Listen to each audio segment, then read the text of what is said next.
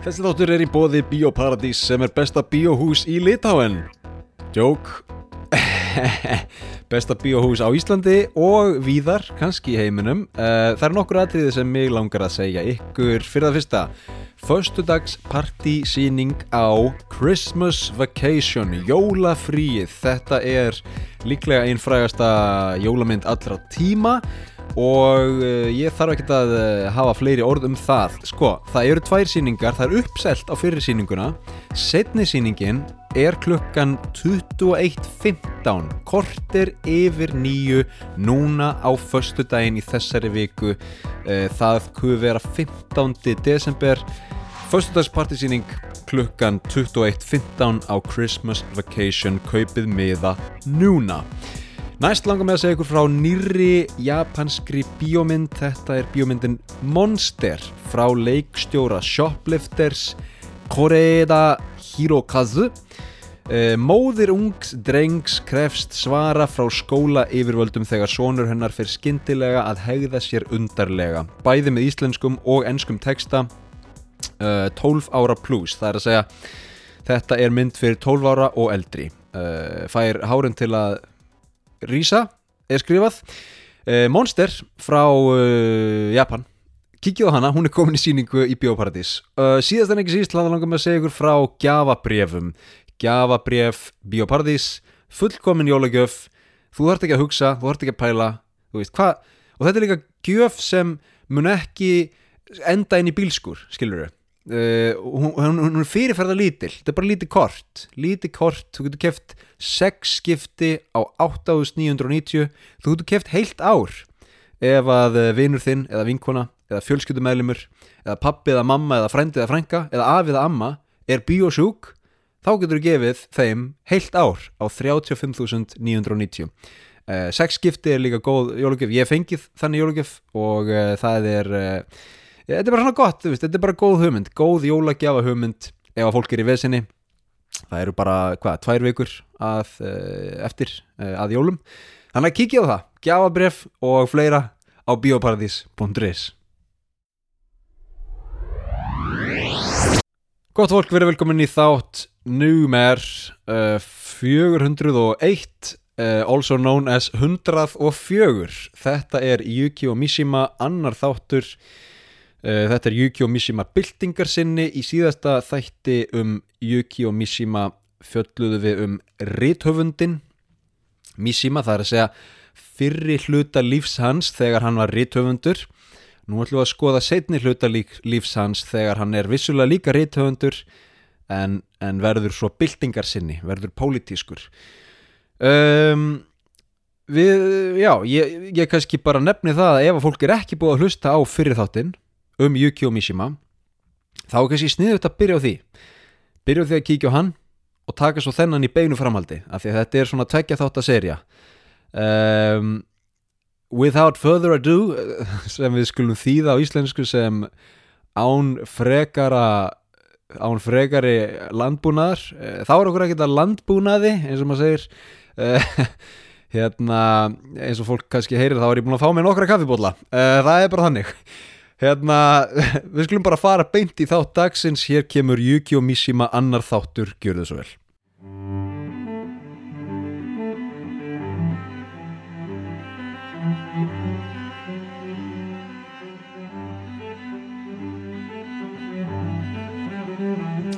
Ok, hvert vorum við komin? Uh, Yuki og Mishima er atvinnu rithöfundur og vöðvabúnt, mótel og leikari. En hann er pólitískari en hann var áður. Hann er gaggrinni á samtíma sinn en hann var og næstu rítverk hans munu leiða í ljós nýjar skoðanir á japansku samfélagi þess tíma. En hvert er japanst samfélag þess tíma? Árið er 1960 og Japan er að ganga inn í áratuga langt efnahagsundur sem mun gera landið að viðskipta veldi á heimsvísu, annað stæsta hagkerfi heims. Svo ör var vöxturinn að bandaríkjumenn fóru að tala um að leggja árar í bát. Þetta er bara búið, við erum búin að tapa, Japan vann. Fólk hefur á síðustu árum sagt svipaða hluti um Kína. Þetta er bara búið, vestrið er átt, Kína er inn. En sagan endur teku sig. Japan ógs til 1995 og svo sprakk bólan. En við erum ekki komin svo langt förum ekki fram úr okkur, árið er enn 1960 og veistlan er rétt að byrja. Til að staðsetja Japan í alþjóðlegu samhengi getum við skoðað hvað var að gerast annar staðar í heiminum á þeim tíma. Jacques Picard og Don Walsh sökva sér ofan í Mariana djúbálinn á 10.000 911 metra dýpi og verða fyrstu menn sögurnar til að ná svo lágt. Heimsmet í lægð. Frakkar sprengja sína fyrstu kjarnorku sprengju í allsýr. Sérsagt kjarnorku próf, eða sprengju próf. Út í eðimerkinni, Sahara líklega. Vietnamstríðið er hafið af fullum þunga og bandaríkin senda 3500 hermenn til Vietnam okay? Nasistinn og stríðsklæpamaðurinn Adolf Eichmann er sóttur úr felustað sínum í Argentínu og færður til Ísraels af Ísraelsku leinithjónustunni. Uh, Kamerún, Níger, Fílabeinströndin, Tjad, Gabon og eflaust fleiri lönd í Afríku lýsa yfir sjálfstæði sínu frá Fraklandi. Allt þetta og fleira gerðist árið 1960 og ímislegt gerist líka í Japan. Ímislegt sem vekur aðtegli Yukio Mishima. Sumarið 1960 voru nefnilega gríðarlega mikil mótmæli haldinn í Japan landi sem er ekki endilega þekkt fyrir að mótmæla Japanir voru þarna margir hverjir ósáttir við varnarbandalag Japans við bandaríkinn sem gefur bandariska hernum leifi til að starfrækja herstöðvar í Japan. Þessi mótmæli, svo kalluð Ampo mótmæli, vöktu aðtegli Mishima sem fyldist vel með bæði í personu og í fjölmiðlum. Hann á að hafa klift út myndir og bladagreinar um mótmælin og eflaust hengt upp á vegg eins og rannsóna lörglumöður. Hann tók þó ekki þátt í mótmælunum sjálfur. Fyrir smá samhengi þá er hernaður í Japan og sérstaklega amerískur hernaður eða hernaður bandaríkjana mjög viðkvæmt mál. Japan hervættist fyrir stríð, fór síðan í stríð, tók yfir hálfa Asju og tapaði síðan fyrir bandaríkjunum. Út úr þessari súpu vakna alls konar tilfinningar, skömm, sorg, söknuður, reyði og minnumáttakend. Sumir eru þó þakkláttir bandaríkjunum og vilja endilega að varnarbandalag verði staðfest sem fyrst. Mishima hefur líklega ekki verið einn af þeim. Mishima hefur líklega viljað sjálfstæðan japanskan herr vopnaðan katanasverðum. Hann gangrindi þó mótmælendur sem voru margir hverjir af vinstri vagnum og vildu meira hlutleysi í kaldastríðinu, hvorki með eða á móti bandaríkjunum eða sovjetríkjunum. Má Japan ekki bara vera hlutlaus fríðarþjóð? Nei, líklega ekki. Japan er landafræðilega of mikilvægt og bandaríkin vissu það þá og þau vita það enn.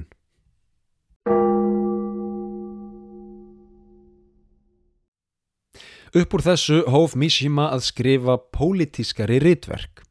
Eitt þeirra, Júkokku, á ennsku Patriotism eða Ættjarðarást, fjallar um ungan þjóðverðni sinnaðan Hermann í japanska hernum sem gerir tilraun til Valdaráns árið 1936. Valdaránið mistekst og Hermaðurinn tekur eigið líf með seppuku sem sagt að reka nýf í magan og skera þvert yfir hann. Þetta hefur stundu verið kallað harakiri en í Japan er þetta oftast tegt sem seppuku. Og þetta er sannsögulegt, uh, það er að segja, það var hermaður sem gerði og, og, og hermenn sem gerðu tilrönd til Valderáns árið 1936. Mishima kemur af fjölskyldum samúræja og hafði alltaf verið meðvitaður um þær hefðir og gildi sem þeim fyldu. Að verja land og þjóð hvað sem það kostar. Hotlusta og treyð, heiður og hugrekki. Mishima sá hvernig Japan eftir stríðs árana var að sigla inn í feitan faðum bandaríska kapitalismans. Hann sá hvernig hrísgrjón viku fyrir majónes hlöðnum pastaréttum, hamburgurum og dísætum kóladrykkjum og Mishima var ekki hrifin af því sem hann sá. En hann var þó enn rítöfundur fyrst og fremst sem elskaði að skrifa og velta fyrir sér skáldsögum og leikritum. Árið 1962 gaf hann út skáldsöguna Utsukushi Hoshi á einsku Beautiful Star eða Falleg stjarnar sem hefur verið líst sem einskonar vísindaskáldskap. Bókin fjallar um Osugi fjölskylduna þar sem fadirinn trúir því að hann sé frá Mars, sonurinn frá Merkur og dóttirinn frá Venus. Fjölskyldan lifir hverstagslegu lífi í Japan en berst gegn nattrætni hlínun í hjáverkum. Svolítið merkilegt árið 1962, hm, eins gott að þau hafi ekki verið uppi í dag.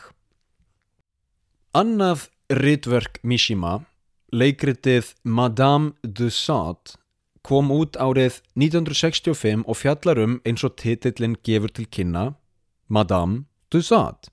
Betur þægt sem René de Sade eiginkonna Marquis de Sade sem var franskur rítöfundur og klámkall jafnvel segur um kynferðistlega áreitni. Orðin sadismi og sadisti eru til dæmis kend við hann, Marquis de Sade. Og eftir því sem ég best veit, þá þýðir sadismi einhver eða einhvað sem örfast við að veita eða upplifa sársauka ekki mjög geðslegt.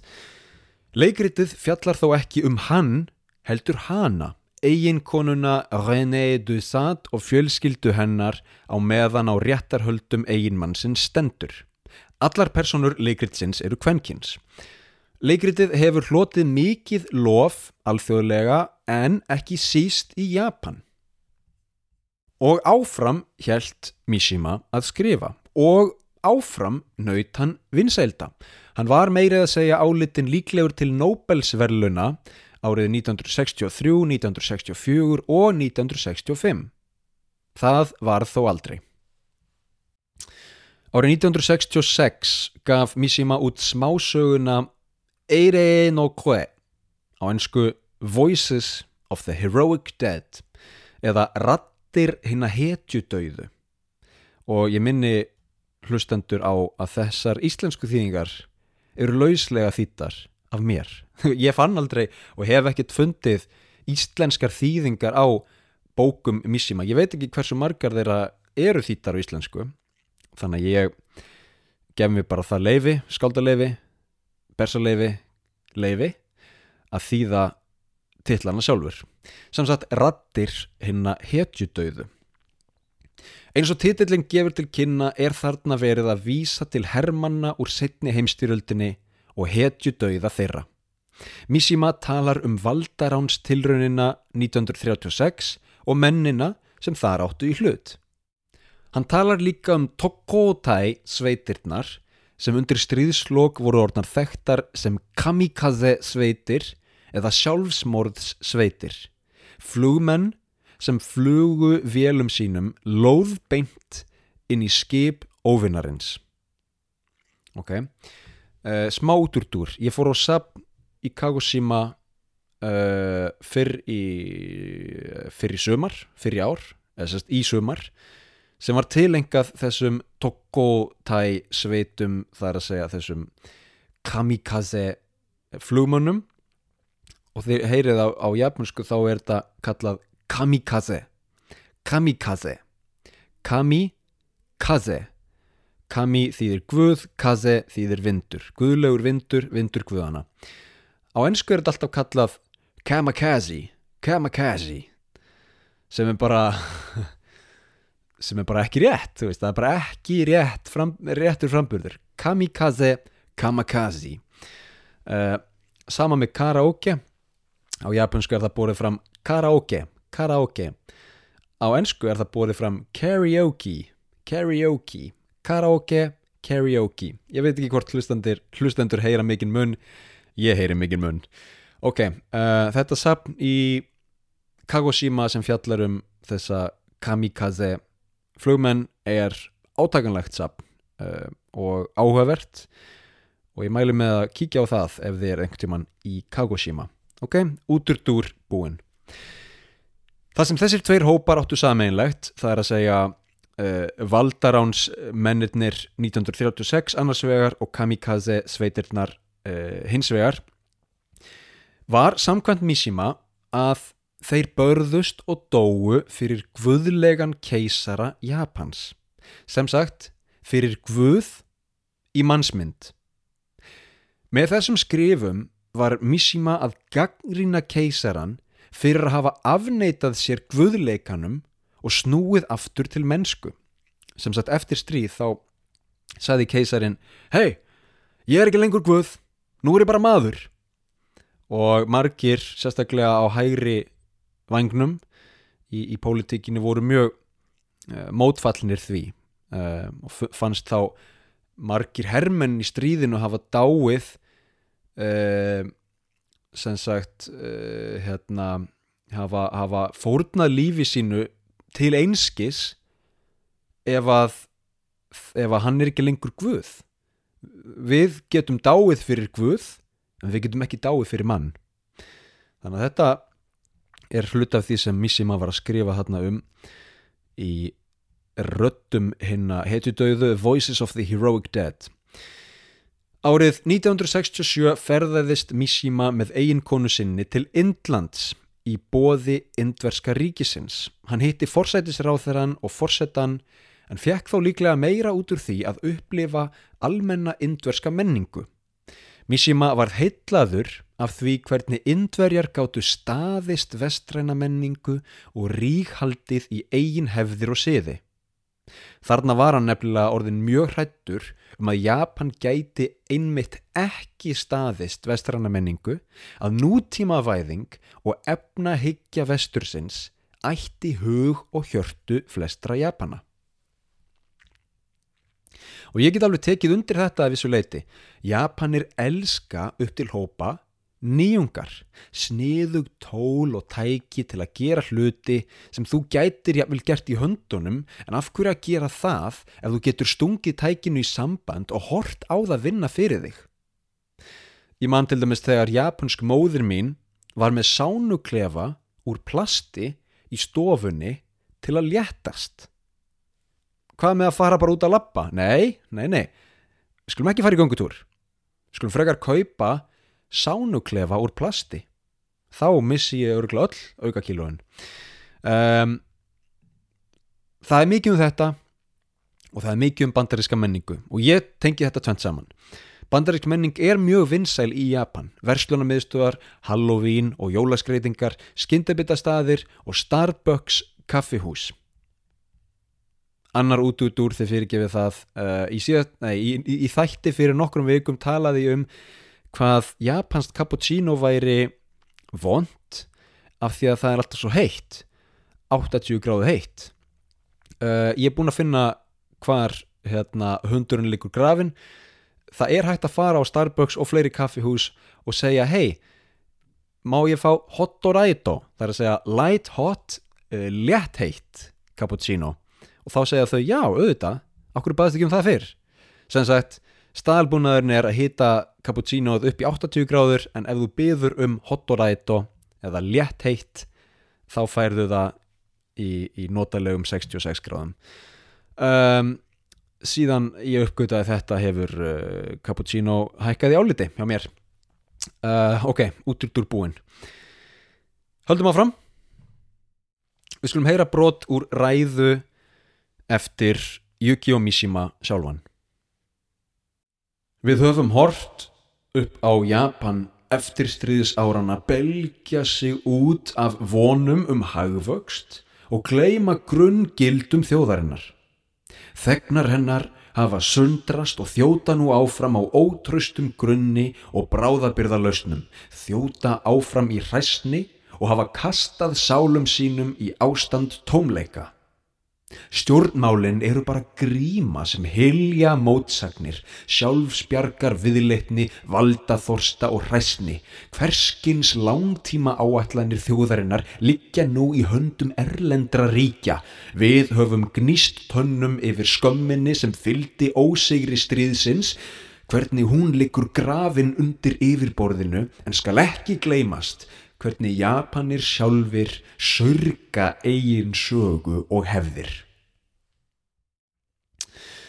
Mishima var ósáttur eins og heyrist og hann var vissulega að sjá ákveðna þróun. Hvort hún er slæm eða góð er svo annað mál en Mishima leit hann að mjög neikvæðum augum. Önnur þróun sem Mishima sá eða sá möguleikan á var að Kína myndi eblast undir kommunismannum og verða ógn við Japan. Japan yrði að hervæðast á ný til að sportna við þessari ógn. Og þarna reyndist Mishima Sansbár en það hefur Japan síðustu ára einmitt verið að hervæðast til að sportna við kynverskri útþenslu. Það var á þessum tíma sem stærsta og mesta ritverk Mishima var í vinslu. Hojo no Umi, á ensku The Sea of Fertility eða sjór frjóseminnar, fjórleikur sem Mishima skrifaði á tímabilinu 1965 til 1970. Fjórleikurinn samanstendur af fjórum skáldsögum sem saman mynda tímalínuna 1912 til 1975 í Japan. Glöggir hlustendur taka eflust eftir því að tímalína fjórleiksins passar nokkuð vel við líf Mishima sjálfs. En þetta er þó ekki sjálfsæfisaga. Frekar er þetta sköpun, skráning og greining heims sem er kannski hliðstæður við raunheima. Heimur sem vissulega er til í Japan en gefur Mishima færi á að ljá personum sínum rödd, hugsanir og skoðanir án þess að hann sé sjálfur í brennidepli. Fyrsta bókin heitir Haru no Yuki á ennsku Spring Snow á íslensku Vorsnjór. Hún fjallar um Kyoaki, ungan mann fættan inn í fjölskyldu aristokrata sem á í erfileikum með eigin tilfinningar. Önnur bókin heitir Homba á ennsku Runaway Horses eða Viltir hestar. Hún fjallar um ungan þjóðarni sinna innblásinn af Shinpuren byltingunni þar sem samúræjar réðust á höfuðstöðvar nýja ríkisvaldsins í suðvestur Japan til að mótmæla vestræningu sem er mitt orð fyrir westernization oft kallað vesturlandavæðingu. Mér finnst vestræning vestræning, svolítið gott.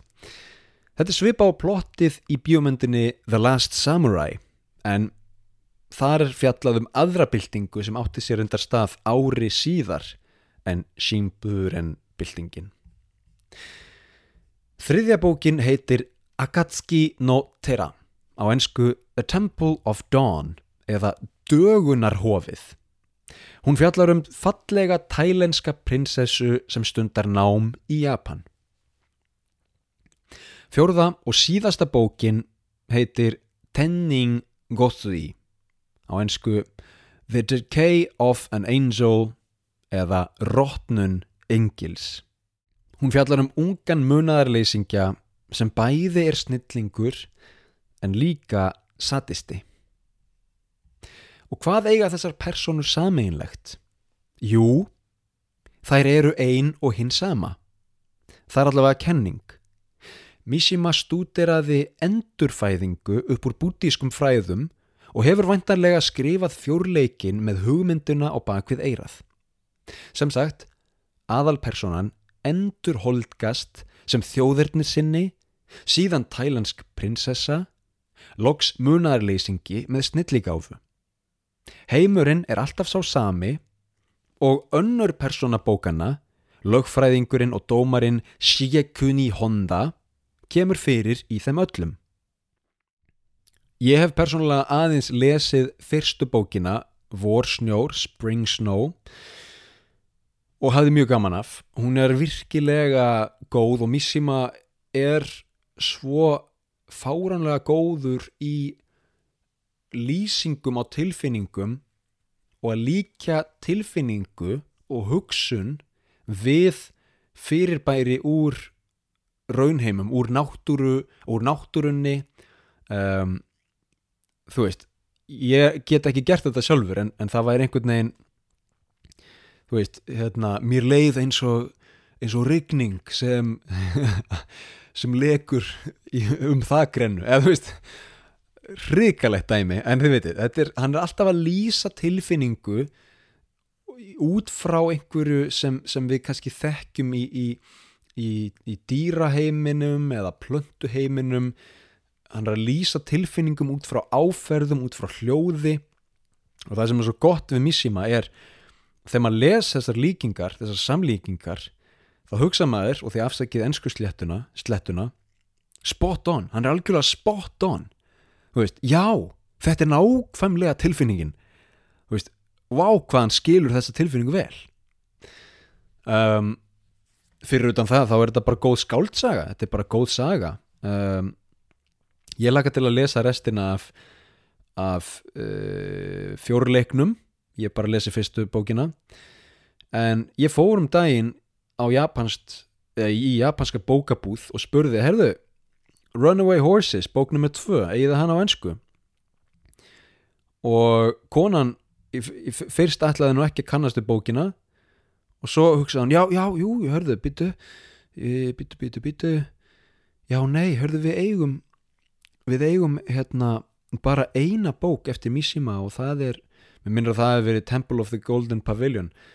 Um, við eigum bara eina bók eftir Mishima á önsku og þá er ég með tvær kenningar. Annars vegar er það Japanir er ekkit rosalega mikið að leggja upp úr ennsku, ennska skiptir ekkit það miklu máli í Japan en það tala fáir Japanir ennsku pluss það að það búa mjög fáir útlendingar í Japan. Þannig að veist, það að hafa mikið úrval af uh, þýttum bókmentum í bókabúðum er kannski ekki forgangsadriði en svo er það hitt sem er að Mishima er uh, ennþann dag í dag mjög umdeildur höfundur. Og margir Japanir líta ekkit endilega jákvæðum augum á Mishima.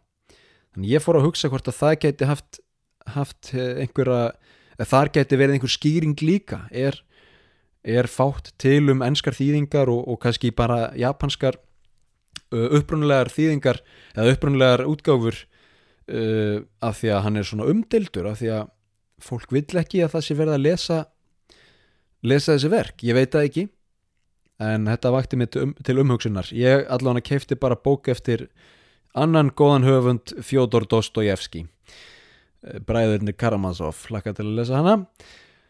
Ok, uh, höldum áfram Yukio Mishima Sumir gaggrinnindur hafa gengið svo langt að kalla fjórleikin The most complete vision we have of Japan in the 20th century sem sagt heildrænasta sín á Japan 20. aldarinnar ef þið langar að skilja Japan 20. aldarinnar þá skaltu lesa þennan fjórleik og ég minna á að hann gerist á árunum 1912 til 1975 sem er líklega eitt mikilvægasta skeið í japanskri nútímasögu en Ef þetta var álitið meistaraverk Mishima, hvað varð þá um höfundin sjálfan?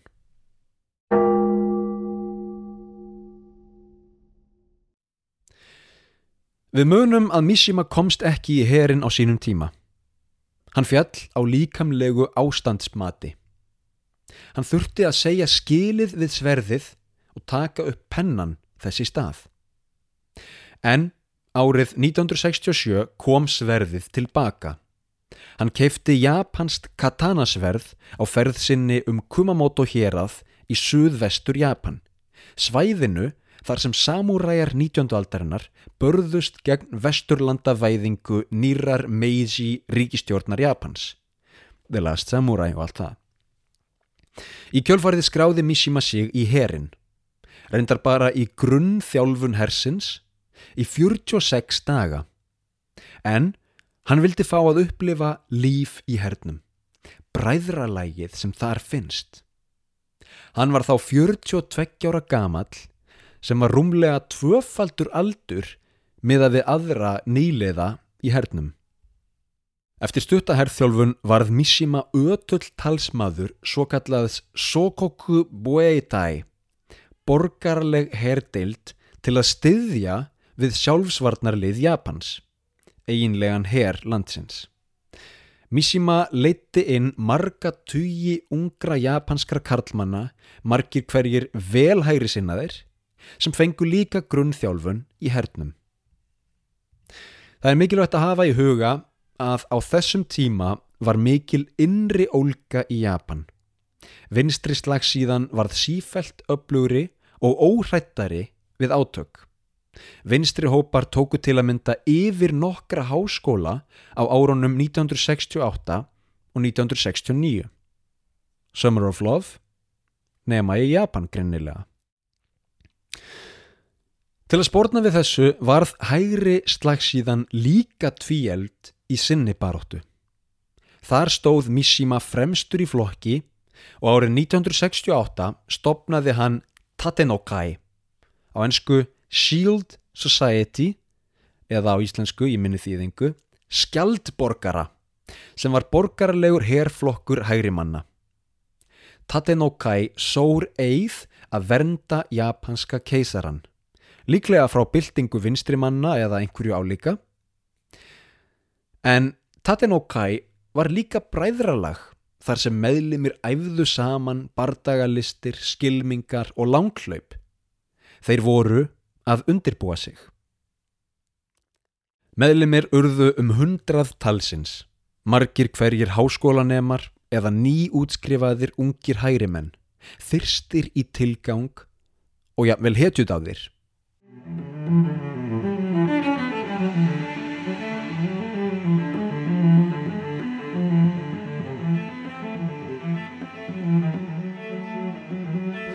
25. november 1970 Yukio Mishima á samt fjórum meðlimum Tatenokai halda í heimsókn í Ichigaya herstöðina í Tókjó.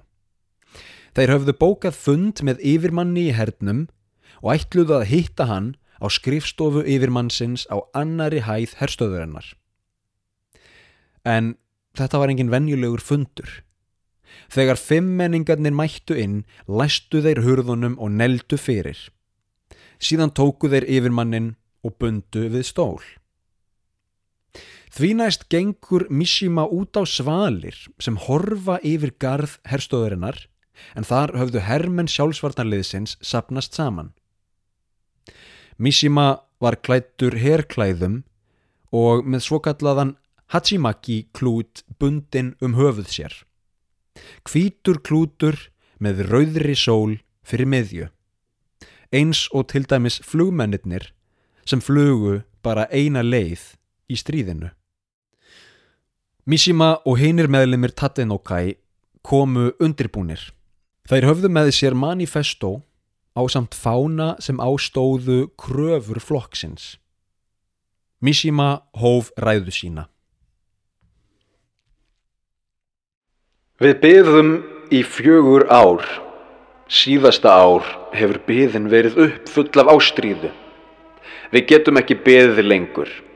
Við getum ekki beðið eftir þeim sem spilla sjálfum sér. En kannski 30 mínútur til? Við getum sætt okkur við 30 mínútna byð. Við reysum saman og við munum deyja saman fyrir réttlætið að snúa Japan aftur til sín sanna sjálfs, þess vegna deyjum við. Er nóg að krefjast þess að lífið sé heilagt? Jafnvel þegar sálinn er dauð. Hvers konar hervald upphefur svo virði lífsins? Herrar mínir, við munum nú sín ykkur meira virði en fyrirfinnst í helgidómi lífsins. Hvorki frelsi nýja líðræði, heldur Japan. Land, sögu og hefða sem við elskum. Japan. Er einhver hér sem myndi kasta sér fyrir þessari úrkynjuðu stjórnarskrá og deyja? Ef svo er, verið með og deyjum saman nú. Þetta gerum við í óbeilandi von um að þið, herrar mínir, hver sálir eru hreinar, að þið munið endur fæðast sem einstaklingar og stríðsmenn.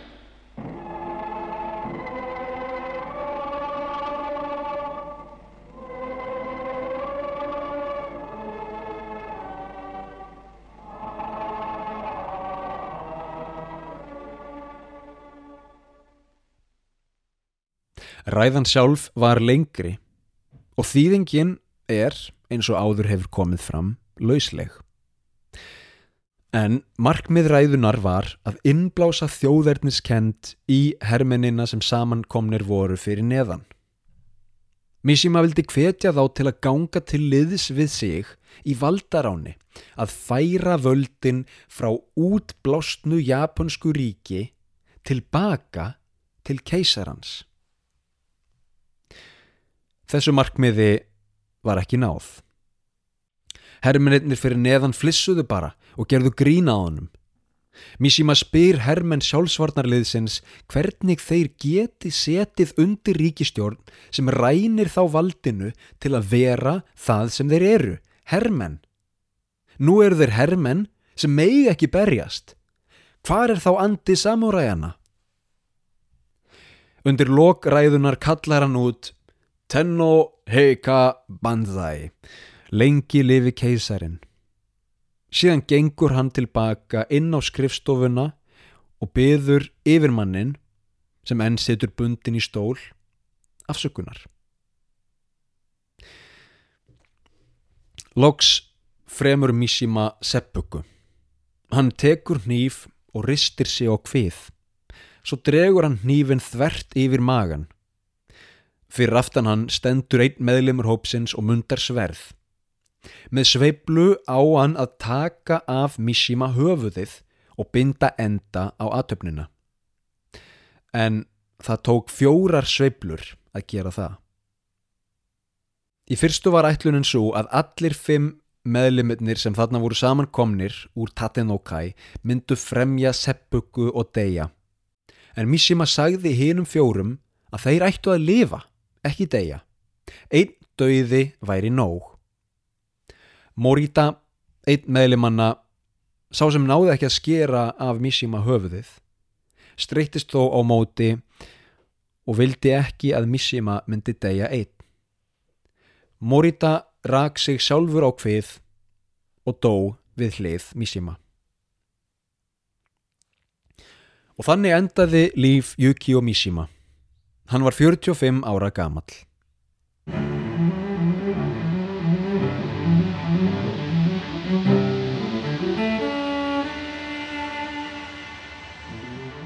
Þá vaknar spurningin, hvað stendur eftir af Yukio Mishima? Hver er arfleið hans? Ég, sem leikmaður, ekki sérfræðingur, ímynda mér að japansku þjóðinni megi skipta í þrjá hópa. Í fyrsta lagi hægri öfgamenn sem dá og hylla Mishima sem hetju. Í öðru lagi miðjumenn sem átta sig á ásetningnum að vernda japanskar hefðir og japansk sjálfstæði en skilja líka raunveruleika Japan þess tíma sem gat ekki sniðgengið alþjóðavæðingu og aukin samskipt við bandaríkin. Og í þriðalagi vinstri menn og aðra hlutlausa sem álíta Mishima sem veikan mann, hættulegan villing hugsana sinna, kannski efnilegt skáld sem þó leittist inn á ranga braut. Í hennum vestræna heimi er Mishima mögulega enn frægari enn í Japan. Allavega Japan dagsins í dag. Ef marka má unga Japani, fólk í kringum mig, Þá er fáir að spá í Yukio Mishima og þeim bóðskap sem hann livði eftir. Ég spyr vini mína hérna, ertu búin að lesa Mishima? Ha, hver er það? Já, já, ég las eitthvað um hann um hann í, í, í sögubók. Meira er það ekki. En kannski er þetta bara tímaspursmál. Missima sagði sjálfur, það er í lægi ef þau skilja mig ekki. Þau munu átta sig eftir 50 til 100 ár. Dó Yukio Mishima fyrir land sitt eða fyrir sjálfan sig?